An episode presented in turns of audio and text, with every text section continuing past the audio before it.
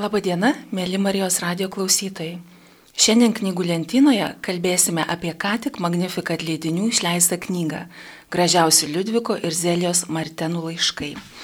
Tikriausiai ne vienas žinote šventą porą, šventą sutoktinių porą, bet šventieji Liudvikas ir Zelija Martenai per visą bažnyčios istoriją yra pirmieji 2015 metais kartu kanonizuoti kaip pora. Iš tiesų jie gyveno gana įprastą mūsų akimis gyvenimą. Buvo labai tvirtai ant žemės stovinti žmonės, turėjo savo verslą, buvo įsisukiai, na, į tokius kasdienius mums visiems žinomus rūpešius. Likimas jiems iš tikrųjų nepagailėjo nei džiaugsmo, nei skausmo. Apie tai mes ir pakalbėsime šiandien laidoje. Tačiau visus tuos įvykius, visus likimo siustus išmėginimus jie išgyveno nepaprastai o turėdami šaltinį ir tikslą - Dievo meilę. Taigi, apie tai, ką jums teko patirti gyvenime, kodėlgi mes šiandien kalbame apie šią šventą porą, apie šią šventą šeimą, galų gale, kasgi yra šventumas šeimoje ir kokia yra šeima šiandieną, mes ir kalbėsime su šios laidos pašnekovėmis. Tai šeimų konsultantė Nijolė Kukuraitinė. Labą dieną, Nijolė. Labą dieną. Ir Vilniaus piligrimų centro projekto koordinatorė Vilija Tauraitė. Labą dieną, Vilija. Sveiki. O pašnekovės kalbinsiu aš, Magnificat leidinių komunikacijos vadovė Inga Čiuberkytė. Taigi, Liudvikas ir Zelija Martenai. Aš nebejoju, kad yra ne vienas mūsų klausytojas, kuris girdėjo apie šią porą, girdėjo šiuos vardus, tačiau tikrai yra tokių, kurie galbūt šitoje laidoje pirmą kartą sužinos apie Liudviką ir Zeliją. Taigi, Vilė, toks pirmasis ir klausimas, o kasgi buvo Liudvikas ir Zelija Martenai, nu, kodėl mes šiandien apie juos kalbame? Mhm. Jeigu ir nežino, kas nors Zelijos ir Liudviko Martino vardų, esu beveik tikra, kad klausant į šį Marijos radiją tikrai žino jų dukrą. Pačią jauniausią dukrytę, tai yra šventoji kūdikėlio Jėzaus Teresė kuri buvo kanonizuota 90 metų anksčiau negu jos tėvai. O šiandien kalbame apie Liudviką ir Zeliją dėl to, kad jie yra šventieji, jie yra bažnyčios mums duoti kaip gyvenimo pavyzdys, į kurį galim remtis, į kurį galim žiūrėti. Ir nuostabu yra tai, kad jie iš tikrųjų, kaip Inga jau ir minėjai, gyveno labai paprastą mūsų akim žiūrint gyvenimą, nes jeigu žiūrėsime visą bažnyčios palaimintųjų ir šventųjų oficialiai kanonizuotų ir beatifikuotų asmenų, kurių yra berots apie 10 tūkstančių, visą sąrašą, tai tikrai didžioji jo dalis bus pašvesto gyvenimo asmenys, kunigai, dar kažkaip kitaip mm, ypatingai atsidėję Evangelijos kelbimui žmonės. O čia turime šeimos gyvenimo būdo asmenis, kurie gyveno kaip mes ir įprastai. Ir iš kurių galbūt netgi lengviau yra semtis įkvėpimo ir pavyzdžio, nes jie išgyveno tuos pačius sunkumus, kaip kad daugelis šeimų šiame dabar susiduria. Turėjo savo verslą, kurį reikėjo išlaikyti, kuriame reikėjo išsidirbti pinigus.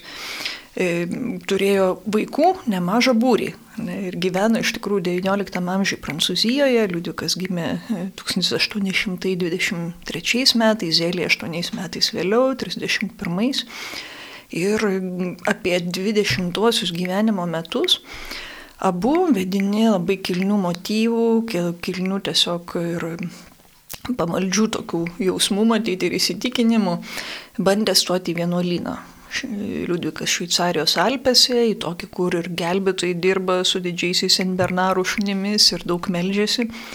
O Zelija norėjo aktyvų vienuolyną, kuris prižiūri ligonius savo gimtajame miestelėje. Bet nei vienas, nei kitas to negalėjo padaryti. Vienam tiesiog vyresnioji atsakė, kad tu neturi pašaukimo, turbūt jau iš tolo kažkaip numatė. O Liudvikui taip pat lyga sutrūkdė, jo latinų kalbos žinių trūkumas, kaip kalbama. Ir taip jie vienas po kito išvystė labai gerai savo amatą ir tiesiog savo darbą, kurį po to ir visą gyvenimą dirbo, iš kurio patys pragyveno, iš kurio uždirbo vaikams kraičius. Kaip be būtų keista, būdu dirbo prabangos prekių sektoriuje.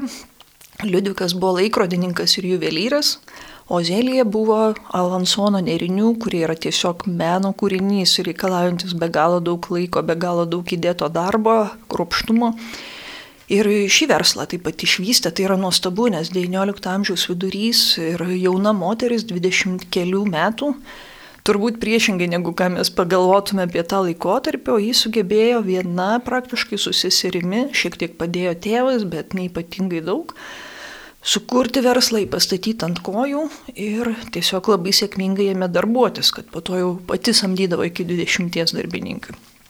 Ir turim šitą porą, kuri gyvena tam pačiam miestelį yra tikrai gana laimingi patys savaime, nes tikrai turi daug hobių, užsiemimų, turi savo darbus, į kuriuos yra panirę, tiesiog daug maldos, taip pat gerų darbų, e, draugų, to, ką jie mėgsta veikti. Tai pakankamai pilnas gyvenimas, kol jie vieną dieną nesutinka viens kito 1858 metais. Ko gero, kad balandžio mėnesį tuomet įstoja į vienuolyną Zėlį verslę padėjus jos vyresnė sesuo. Ir ji lieka kaip ir viena, ir aišku, toks sunkesnis momentas, bet gana greit sutinka liudiką ir po trijų mėnesių jie susitokia. Tada per visą savo 19 metų santokos gyvenimą iš viso susilaukė devynių vaikų, Dėja, keturi iš jų miršta mažučiai, trys kūdikėliai, viena mergytė penkių metukų, nuo to tik dar skaudžiau, nespėjo ją gerai pažinti. O visos penkios likusios gyvos dukterys galiausiai įstojo į vienuolyną. Viena jau po tėčio mirties. Tai labai gal tokia trumpa santrauka, bet tikiu, kad jeigu kažkas atsivers knygelę, tai tikrai sužinos ir daugiau. Nes ši knyga yra tokia kaip langas jų gyvenime. Galbūt pavadinimas leistų manyti, kad tai yra Liudviko ir Zelijos laiškai vienas kitam, bet iš tikrųjų yra labai mažai išlikusių. Jie beveik visą gyvenimą kartu praleido, tai nebent kažkur vienas, iškeli, vienas iš jų iškeliaudavo, tuomet būdavo proga rašyti laišką. Ir Liudviko yra vienas laiškas išlikęs Zelijai, Zelijos trys Liudvikui. Kaip matom, tikrai mažuma, O visa kita yra laiškai šeimos, kitiems nariams, dukroms, broliui, brolieniai, iš kurių labai daug sužinom apie jų gyvenimą. Ir tokį labai realų, stovintį ant žemės ir tuo pačiu labai smarkiai besiriminti į Dievą. Iš tikrųjų mes kalbame, kad tai buvo šeima, kuri gyveno na, gana įprastą gyvenimą ir jie patyrė tokius sunkumus, kokius mes ir šiandien patiriame. Ir vis tik tai, tai yra šventa šeima toks, na, kaip ir paradoksas gaunasi, bet to dar, dar ir sakot, kad jie buvo verslininkai, ar ne? Kaip n, labai daug visko vienoje, vienoje šeimoje atrodo.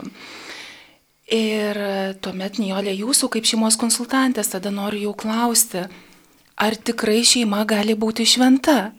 Nes, na, žinot, mesgi e, visi žinome, kiek visko vyksta šeimoje. Juk realiai susitinka du nepažįstami žmonės, du pasauliai susitinka ar ne, ir kažkaip jie turi na, apsiglūdinti, kažkaip atsiranda tuomet vaikai.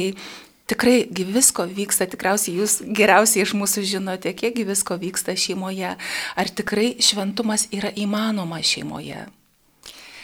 Manau, kad taip. Ir noriu pasidžiaugti, kad, kad tikrai esu palaiminta mama nes užauginau tris sūnus, užauginome tris sūnus ir turime dvylika anūkų ir jie visi, nu, kažk... jie visi yra bažnyčioje. tai va, tikintis, aš manau, kad tikėjimas yra tai, ką, ką, nu, kas duoda pagrindą tiesiog ant ko statydinį ir santykius. Ir pasiaukojimą, ir, ir, ir visko tuose šeimose būna, ir, ir, ir na, tiesiog Tiesiog kai pagalvoju, nuo pat ryto prasideda stresas. Kaip vaikus iš tikrųjų aprengti, pavalgydinti, laiku nuvežti į darželį, į mokyklą. Vienam reikia to, vienas pamiršo tai, kitas pamiršo tai. Žodžiu, atliepti tų vaikų visus poreikius. Žodžiu, gimtadieniai įvairūs, draugystės įvairios. Tada visokie pasirodymai ir šiandien iš Švento Jozapo bažny... mokyklos grįžome, kur, kur pirmai, pirmoje advento žvakė buvo uždegta ir senelius pakvietė. Tai taip, žinot, tas šeimos gyvenimas iš tikrųjų yra džiaugsmingas, bet kartu reikalaujantis labai daug pasišventimo. Tai va, tos šeimos iš tikrųjų išgyvena labai ypatingai, nu, daug, daugiavaikės šeimos šiuo metu. Uh, nes e, didėja, turim pripažinti Lietuvoje, tas atro, mažėja ta vidurinioji klasė ir didėja atotrukis tarp turtingų ir, ir vargšų. Tai, tai iš tikrųjų reikia pasipustyti padus tėveliams ir, ir jie turi net kelias pareigybės ir kelis darbus, kad galėtų iš, išlaikyti tą šeimą ir, ir dėja būna tokių momentų, kai tėčių nėra namuose ir, ir, ir mamoms, mamytėms reikia visą tą krūvį atlaikyti. Oh, su vaikų įvairiausiais klausimais, poreikiais ir taip toliau. Tačiau, tačiau ką noriu pažymėti, kad norint visus šituos iššūkius į, į, iš tikrųjų įveikti, su jais susidūrus reikia labai reikia daug įdirbio su santykiu. Tai yra, kad vyras su žmona turėtų laiką savo, kad atsikvėptų, tiesiog pailsėtų nuo tos rutinos, kad nepamestų vienas kito, nes tai yra labai svarbu. Vaikai užauks ir jeigu norim tą ryšį išlaikyti, reikia pastoviai tiesiog mesti į šeimos žydinį malkas ir, ir tą žydinėlį nuolat kurianti. Tai vat mes, mes ir konferencijose dažnai, ir stovyklose nuolat akcentuojam tą meilę santykį. Ir aš žinau, aš irgi esu prisilietusi šiek tiek prie Teresėlės ir, ir jos atsiliepimo apie tą šeimą. Tai, Tai man tas meilingas bendravimas jos tėvelių, kas, kas vedė į šventumą ir, ir tas rūpestis vienų kitais. Tai, žinot, nustebina man kartais tenka likti su penkiais ar septyniais anūkais ir, ir aš žiūriu, kaip jie įpratę pasirūpinti vienas kitu. Tai, nu, tiesiog nuostabu, nes jie mato, kaip tėvai, kaip tėvai rūpinasi, kaip, kaip aptarinėja dalykus. Yra maldos tam tikras ritmas. Sekmadieniais į bažnyčią visada važiuoja. Rekolekcijos, tada šeimų stovyklos visokios. Vaikai susiranda savo bendraminčius ir, ir užauga tokiame, nu, ties, tiesiog džiaugsmingame padėkojame Dievui, kad jie turi tuos dalykus, kad turi vienas kitą, kad turi ką valgyti, kad tai ką yra. Jie įpranta melstis vieni už kitus ir melstis už, už visą pasaulį iš tikrųjų, nesusiduria ir su ankstyvomis mirtimis, ir, ir netektimis, ir lygomis. Jie tiesiog vat, gyvena, gyvena normalų gyvenimą ir jie mato, kaip, kaip yra sunku ir, ir mokslus pasiekti, ir, ir, ir žodžiu, kad dabar ypatingai, reiškia, jeigu nori aukštai įsilavinimą gauti, tai nebūtinai tu, tu turėsi pinigų, iš tikrųjų apsimokėti studijas, tai reikia tuos imti kreditus. Tada bankai paėmė mokslams kreditus, paskui paėmė būstui kreditą ir taip, nu, tiesiog užsidedi tokie pinas ir visam gyvenimui bet žmonės kažkaip sukasi, verčiasi ir, ir, ir man tas, nu, vat, nu, tarsi įskiepytas toks optimizmas yra, yra labai, nu, vat, vilties, tas buvimas ir jos ir nuolatinis, nu, o, iš tikrųjų aiškinimas vaikams, kad iš tikrųjų viešpats mus myli, kad jis mus globoja, kad jis rūpinasi mumis, kad, kad vat, padėkokite už kažką. Tai, tai, tai daug dalykų iš tikrųjų, kas vyksta šeimoje, Bet žinoma, ir, ir pykčių, ir, ir, ir susikivirčijimų visokių. Ir, bet kas yra labai žavu, kad vat, nu, sekmadienis atėjo, rožinė malda, atsiprašom už visą savaitę. Še, šeštadienį švenčiam viešpaties dieną, šventą raštą skaito ir, ir tėtis aiškina, kaip reikia suprasti, kaip sudabartinti, nu, ką viešpats nori pasakyti mums čia ir dabar. Tai žodžiu, iš, iš tikrųjų aš manau, kad šventumas yra įmanomas šeimoje, tik jis aišku labai labai nemažai kainuoja. Ir jūs labai gražiai pabrėžėte, kad na, tarpusavio santykiai yra labai svarbus, ar ne? Nes būtent nuo sutoktinių tarpusavio santykių, nuo jų vertybinio to pamato, nuo jų meilės labai daug kas priklauso irgi toliau gimsta vaikai ir jie tai, kad turi savyje, jie toliau perdoda vaikams.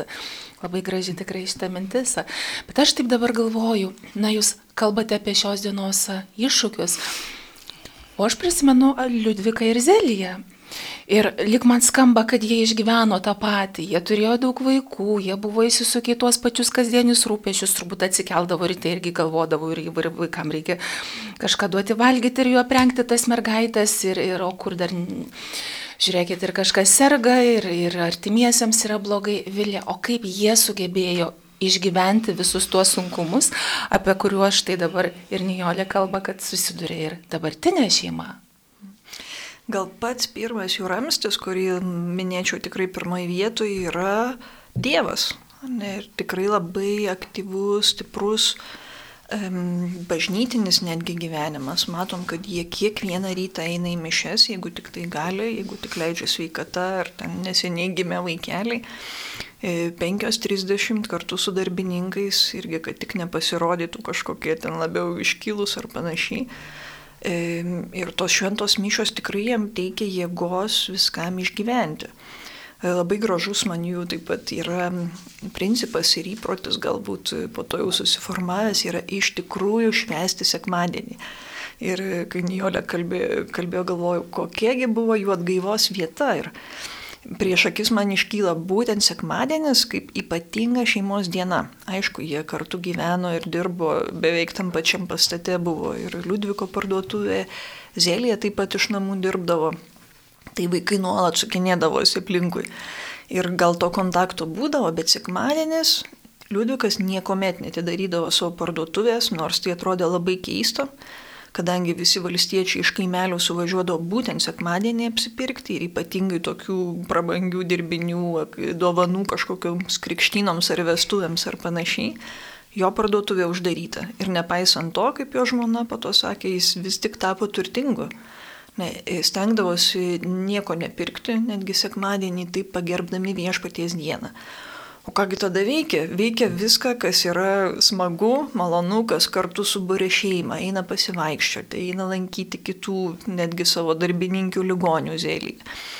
E, kartu bendrauja, kartu žaidžia. Liudvikas buvo tikras ten lobynas ir tikras skrinė visokių literatūrinių kūrinių, kuriuos mokėdavo ir mintinai dainų galybę turėjo, kuris tiesiog dainuodavo su juo, kaip sako, dukros niekada nenobodu visokių žaisliukų pridirbindavo ir tiesiog toks labai smagus, labai geras šeimeninis laikas.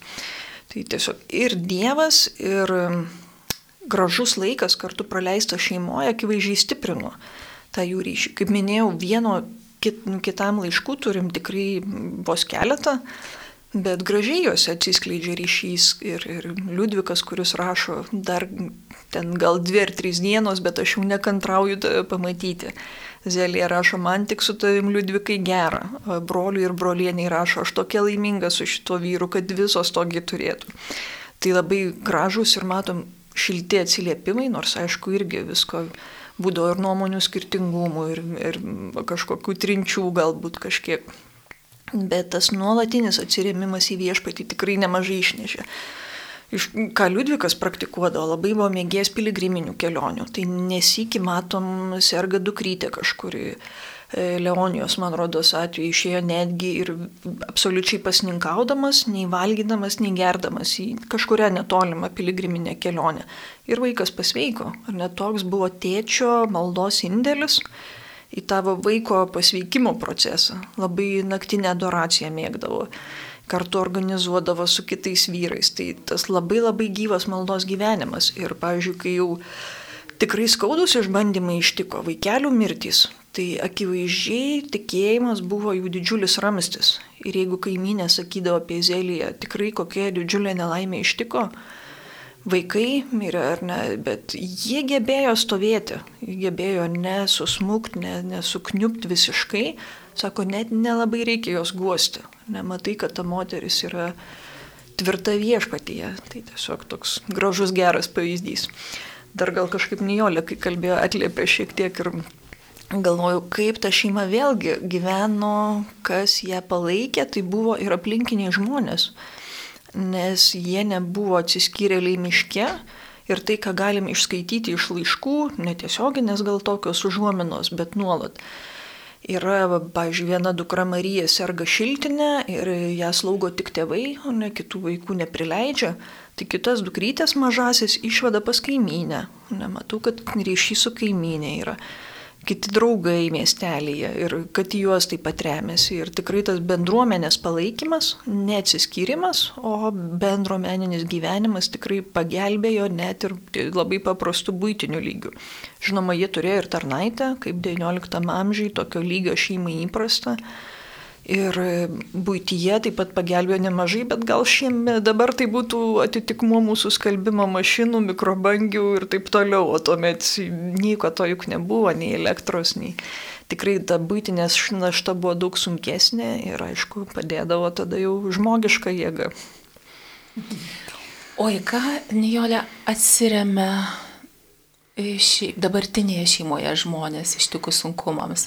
Ar yra šiandieno šeimoje tikėjimas, Dievas, ar, ar yra tokie dalykai? Tai e, iš savo konsultavimo praktikos tai galiu pasakyti, kad įvairių šeimų ateidavo, e, bet kadangi palaiminto Jurgio Matulaičio šalia, šalia parapijoje mes turėjome šeimos centrą ir dabar yra, Tai daugiau žmonių ateidavo vis dėlto turintis kažkokį prisilietimą prie Dievo ir tikėjimą ir, ir konsultacijų metu nelabai gali, gali nagrinėti tų dvasinių dalykų, bet jaučia, jautėsi, kad vis dėlto jų atrama būna, būna vis dėlto tikėjimas. Ir, ir, ir tas tikėjimas, kad viskas bus gerai arba kad viešpats padės kažkaip išves, jie net ir įvardyjo tokius dalykus. O mūsų dabartinės šeimos, aš kažkaip, kai Vilija kalbėjo, irgi prisiminiau, kas, kas dabar, kas yra bendruomenė. Tai mano sunus Linas ir Rima neseniai šventė 20 metį savo santokos ir jie pasirinko švesti parapijoje. Susikvietė visus mylinčius žmonės ir mylimus ir draugų ten, oi, koks pulkas buvo gražus. Ir jie viešai skaitė vienas kitam meilės laišką. vienas kitam. Tai tiesiog, nu, vat, parašyta per 20 metų, reiškia, susikaupusių tokių atsiminimų, prisiminimų. Tai, nu, tai, tai buvo jautru ir taip, nu, tiesiog, nu, vat, aš galvoju, kad tikėjimo liūdėjimas irgi yra labai svarbus. Labai ir bendruomenė labai labai šiltai palaiko vieni kitus ir, ir tos šeimos, nes, nu, kažkaip šitame pasaulyje, kuris yra nutolsta dėja nuo Dievo, tai, tai tom šeimoms labai reikia, reikia puoselėti tą bendrystę. Dėja, ne visiems pasiseka, dėja, ne visi iš, ištveria. Ir, ir kartais, žinoma, priežasčių tų skirybų ir, ir yra labai įvairių. Ir ypatingai išbandymai kartais kliūva šeimoms ir nedarbas, ir, ir skirybos, ir narkotikai, ir ankstyvos mirtis, ir, ir, ir tėvelių lygos, ir, ir slauga jų kur kartais išskiria šeimas, arba neįgalus koks nors vaikas, dėja, dėja, būna, būna ir taip, kad išsis, išsivaikščioja ta pora. Bet sakau, į ką remtis gali, tai tikrai liūdė ir savo, savo labai artimos aplinkos pavyzdžiais, kad, kad viešpats, kai viešpats pirmoje vietoje. Kažkaip labai ir, ir taip lengvai šiandien buvau, sakau, Švento Jozapo mokykloje ir kaip gera buvo matyti šitokią, reiškia, pradinukų šventė mišes. Ir visi gėdojo, visi vaikai moka giesmes ir šlovina viešpatį. Tai nu, tiesiog man tai nu, taip, taip, taip gera, taip jautru. Ir turbūt labai gražu, kad na, visos tos vertybės, jeigu jas turi teveliai, tai jos yra perdodamos vaikams ar ne, tada iš kartos į kartą. Iš kartos į kartą. Taip, taip turbūt. iš kartos į kartą ir, ir vat, savo asmeniniu pavyzdžių gal liūdėčiau, iš tikrųjų mano teveliai nebuvo tikintis, sovietmetis gudus ir, ir, ir baimės visokios. Ir, ir kad, kad vaikai neįstos į aukštasis ir taip toliau. Dėl to, dėl to nereikia praktikuoti to, to tikėjimo, bet močiutės varstė karoliukus, rožinį meldėsi ir aš, aš, aš taip įsivaizduoju, kad jos tik tai išmeldė mūsų atsivertimą. Ir kai atėjo laikas ir, ir, ir, ir viešpats tikrai susirado ir mane, tai va, paskui aš jau su berniukais, paaugliais meldžiausi irgi rožinį. Ir tas, nu, būdavo tik vieną kartą per savaitę. Bet štai kokie vaisiai. Iš tikrųjų, eidavom sekmadienį mišęs, bet, bet kokie vaisiai iš tikrųjų. Kartais labai ne, nedidelių žingsnelių reikia ir, ir, ir, ir viskas viešpats laimina. Taip, laimina ir veda. Mums svarbu to nepamiršti. Marijos radio klausytojams priminsiu, kad šiandien knygų lentynoje kalbame apie ką tik Magnificat leidinių išleistą knygą Gražiausi Liudviko ir Zelijos Martenų laiškai. Na, o šios laidos pašnekovės yra šeimų konsultantė Nijolė Kukuraitinė ir Vilniaus piligrimų centro projektų koordinatorė Vilija Tauraitė. O pašnekovės kalbinu aš, Magnificat leidinių komunikacijos vadovė Inga Čiuberkytė. E, na, šiek tiek norėčiau grįžti prie, prie uh, Liudvikos ir Zelijos gyvenimo ir prie tokios gana skaudžios temos. Jie tikrai svajojo, kiek žinau, Vilija, ar neturėti didelę šeimą, susilaukti daug vaikų, kas ir, kas ir atsitiko, jie susilaukė devinių, uh, ne tik mergaičių, buvo ten virots ir, ir, ir keli, keli suneliai, du, du suneliai ar ne, bet išgyveno tik penkios mergaitės. Ir iš tikrųjų, na, tiesiog stulbina skaitant uh, laiškus, kaip, jeigu taip galima sakyti, lengvai Zelė žvelgia į vaikų netekti. Lengvai tai čia turbūt būtų tas kabutėse, mes tikrai, na, jaučiame tarp eilučių tą begalinį skausmą. Bet kai aš sakau lengvai, tai, kad ji nepanikuoja, ji nenusivilia Dievu, ji vis tiek nenustoja tikėti. Ji sako, kad dabar jie nukeliavo į dangų ir jie tiesiog iš dangaus juos dabar saugo. Galų gale Liudvikui teko išgyventi Zelijos mirtį. Ji mirė gana anksti nuo berots krūties vėžio.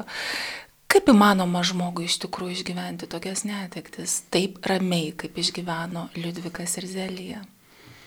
Vėlgi tas pirmoje vietoje Dievas, žvilgsnis nuolat nukreiptas į amžinybę. Iš tikrųjų labai gražių pavyzdžių iš jų gyvenimo yra, kur tiesiog kartais absurdiškus gyvenimo nesusipratimus, pavyzdžiui, kaimynas juos ten dėl nugriūsios tvoros paduoda į teismą, kurie yra visiškai nekalti. Bet Zelė sako, jeigu mums kelias skaistyklos dienas nuims šitas konfliktas, tai mes tikrai jam padėkosim amžinybei. Tai, ką vaikai po to liūdė irgi yra, kad nuolat šeimoje buvo tas žvilgsnis į amžinybę, kad gyvenimas nesibaigia su mirtim, bet atsiveria kitoks gyvenimas. Ir bent jau Zelijos laiškuose matysim nuolat, kad tie vaikai yra angelėliai. Ar ne, tikrai dėkoja Dievui, kad galėjo juos pakrikštyti ir kad jie yra pas viešpatį. Jie nėra dingę, Ir sako, kai man sakydavo, kad geriau jau iš vis tie vaikeliai nebūtų gimę, sako, aš be galo pykdavau. Nes kaip gali būti iš vis apie tai kalbama ir mm, tiesiog mano vaiko amžina laimė kažkaip net kvestionuojama. Kad tas vaikelis jis yra gyvas ir taip jį godžia taip pat savo brolienę, kai jie netenka tik, tik ką gimusio sunelio, begimdant. Be E, tiesiog rašo, jie yra gyvėjai, tavęs laukia ir tikrai tavęs sulauks danguje. Pasakoja taip pat stebuklą, kuris nutiko jai pačiai su dukrytė Elenytė, kuri buvo kelių metukų ir niekaip nepraėjo ausies uždegimas.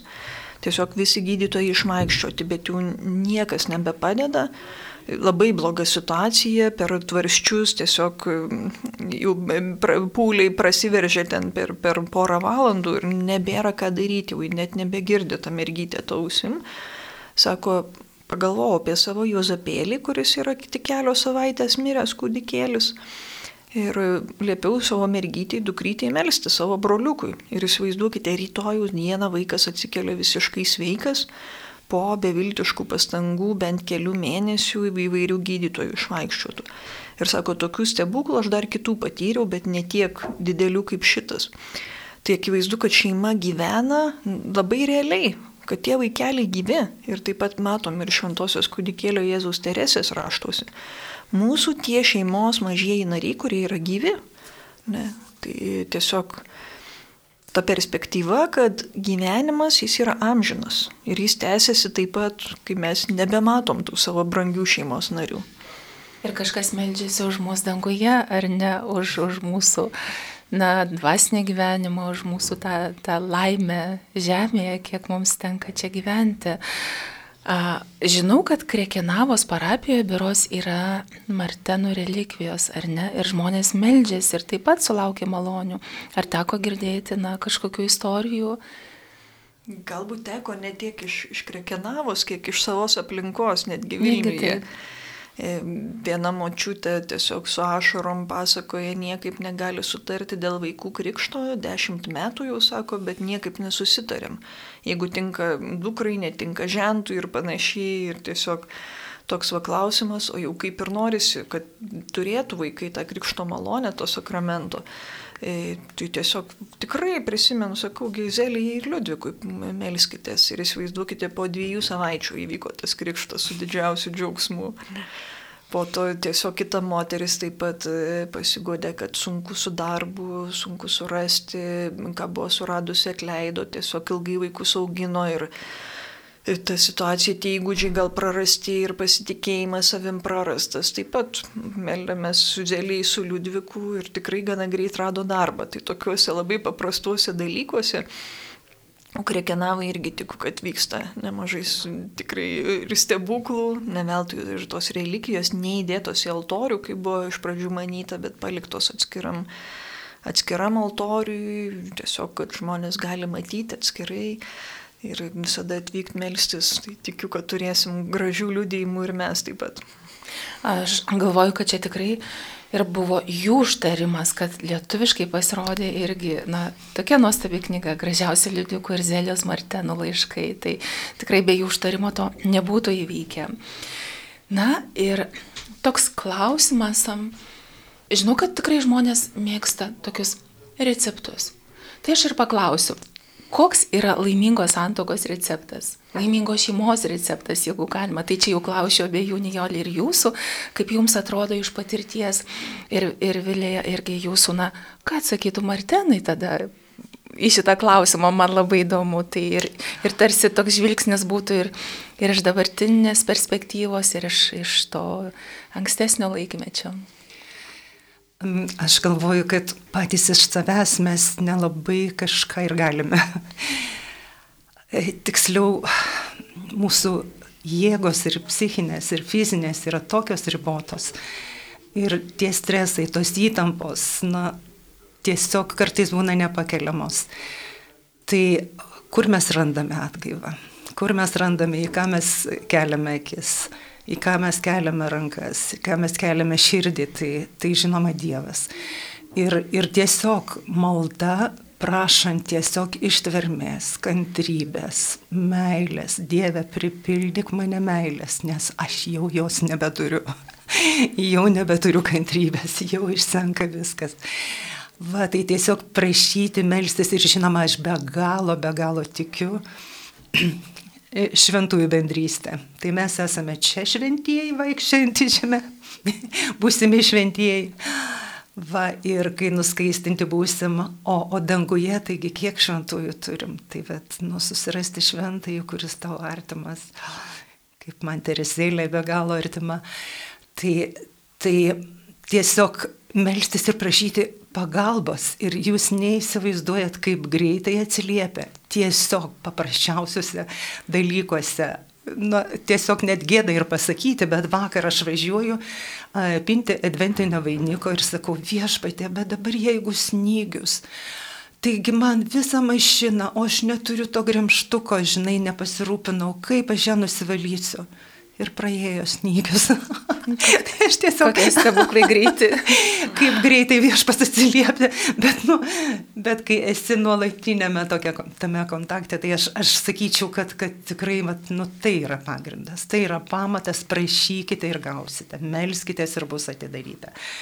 Iš tikrųjų, pirmiausia, ieškokite Dievo karalystės, o visa kita bus pridėta. Tada, tada tikintieji žmonės, jie turi tokią perspektyvą amžino gyvenimo.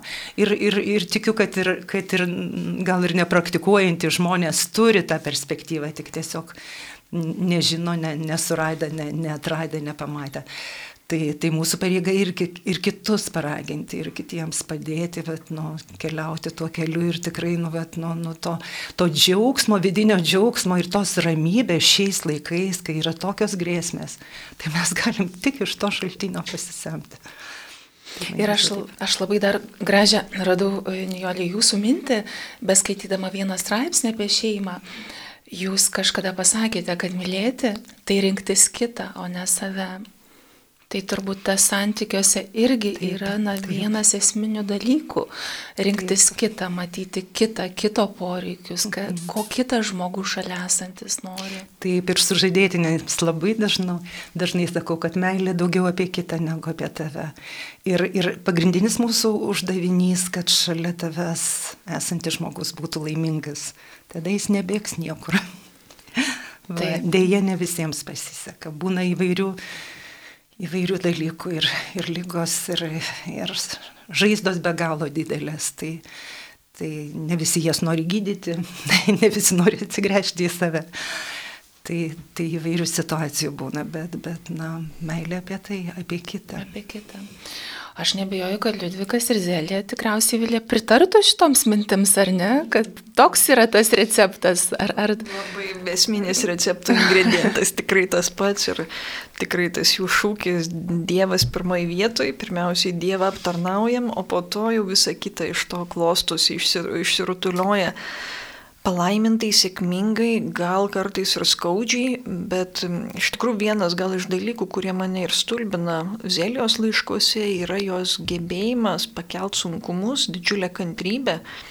Taip pat tas, ta orientacija į kitą, vaikai ką liūdija, ar nesako, mama pusryčius paruošė mum, pati ten greit ką nors užkasdavo kampelį ar ne kažkokį. Ir, e, tikrai pir, pirmiausiai tas kitas pirmoje vietoje ir e, stulbina tas, ką taip pat laiškuose mini, kad e, šiam gyvenime laimės nesurasim iki galo.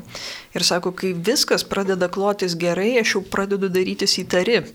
Ir sako, negali būti, kad šitoj žemėje tu esi visiškai pilnutinai laimingas ir tai tveria ilgą laiką.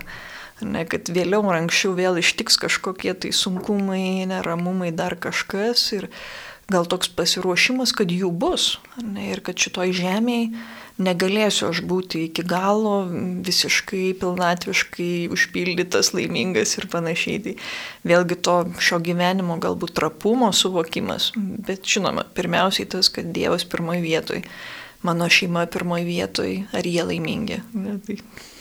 Taip, ir turbūt, kai Dievas yra pirmoji vietoj, na, tuomet ir viskas kažkaip ir dėliojasi gyvenime ir kad ir kokie sunkumai mus beištiktų, tada juos ir daug lengviau mes pergyvename, nesuvokime, kad tai visa yra Dievo siūsta, o jis žino, tikrai visada žino, ką daro ir visada daro iš didelės meilės mums. Na, mūsų laida jau eina visiškai į pabaigą. Ar dar kažką norėtumėt gal pasakyti klausytojams mūsų? Gal kažko jūsų nepaklausiau svarbaus? Tiesiog gal toks džiaugsmas šitą unikalią, sakyčiau, knygelę, kuri e, be nelabai žinau kitų knygų, nors tikrai pakankamai daug tenka skaityti ir domėtis Lietuvos skaitytojų prieinamų, prieinamos knygos apie šeimų šventuosius. Nemažai turime apie mystikus, apie kitokius žmonės iš pašvesto gyvenimo ar panašiai, bet apie šeimų šventuosius tikrai ko gero pirma knyga iš kurios tikiuosi bus galima semtis įkvėpimo. Aš irgi galvoju, kad, kad iš tikrųjų mes turim tų šventųjų. Jie tik yra nekanonizuoti, niekam nežinomi, tyliai ramiai, jie tarnauja vieni kitiems ir kai Vilija pasakė, e, kad netektavo zelyjai ko nors užkasti, tai mano marčiai labai dažnai pritrūksta maisto, nes kol visus ap, apdalyja, tai nu, nu taip, nu taip, tokia realybė, tokia tikrovė, bet, bet viskas, viskas Dievo valioje, viskas Dievo rankose ir toks, nu, nu tai, kad tu turi tokią gražią šeimą, jau yra didžiulis, didžiulis lobis ir dovana. Ir tikriausiai na, šita knyga, gražiausia Liudviko ir Zelės Martenų laiškai, kalbantį apie šventumą kasdienybę, tikrai mums liudija, kad kiekviena šeima yra pašaukta tapti šventa ir šventieji galbūt vaikšto visai šalia mūsų. Mums tikrai, tik reikia juos pastebėti. Taigi noriu padėkoti, kad atėjote į šitą laidą, kad pasidalinote mintis apie nuostabę Liudviko ir Zelijos Martenų šventą šeimą, apie šeimą Lietuvoje, kokia jie yra šiandieną, apie tai, kad būti kartu santokoje šeimoje tai yra nematyti save, bet matyti kitą, Tai manau, kad tas yra labai svarbu, norint išlaikyti santykius ir norint eiti į tą šventumą šeimoje. O Marijos radio klausytojams priminsiu, kad šiandien kalbėjome apie Magnifikat leidinių išleistą knygą Gražiausi Liudviko ir Zelijos Martenų laiškai. Laidoje savo mintimis dalyjosi šeimų konsultantė Nijolė Kukuraitinė ir Vilniaus piligrimų centro projekto koordinatorė Vilija Tauraitė. O pašnekovės kalbinau aš, Magnifikat leidinių komunikacijos vadovė Inga Čiuberkytė. Taigi, mėly klausytojai, likite sveiki, mylėkite, būkite laimingi savo šeimose ir um, iki kitų kartų. Sudėv. Sudėv. Sudėv.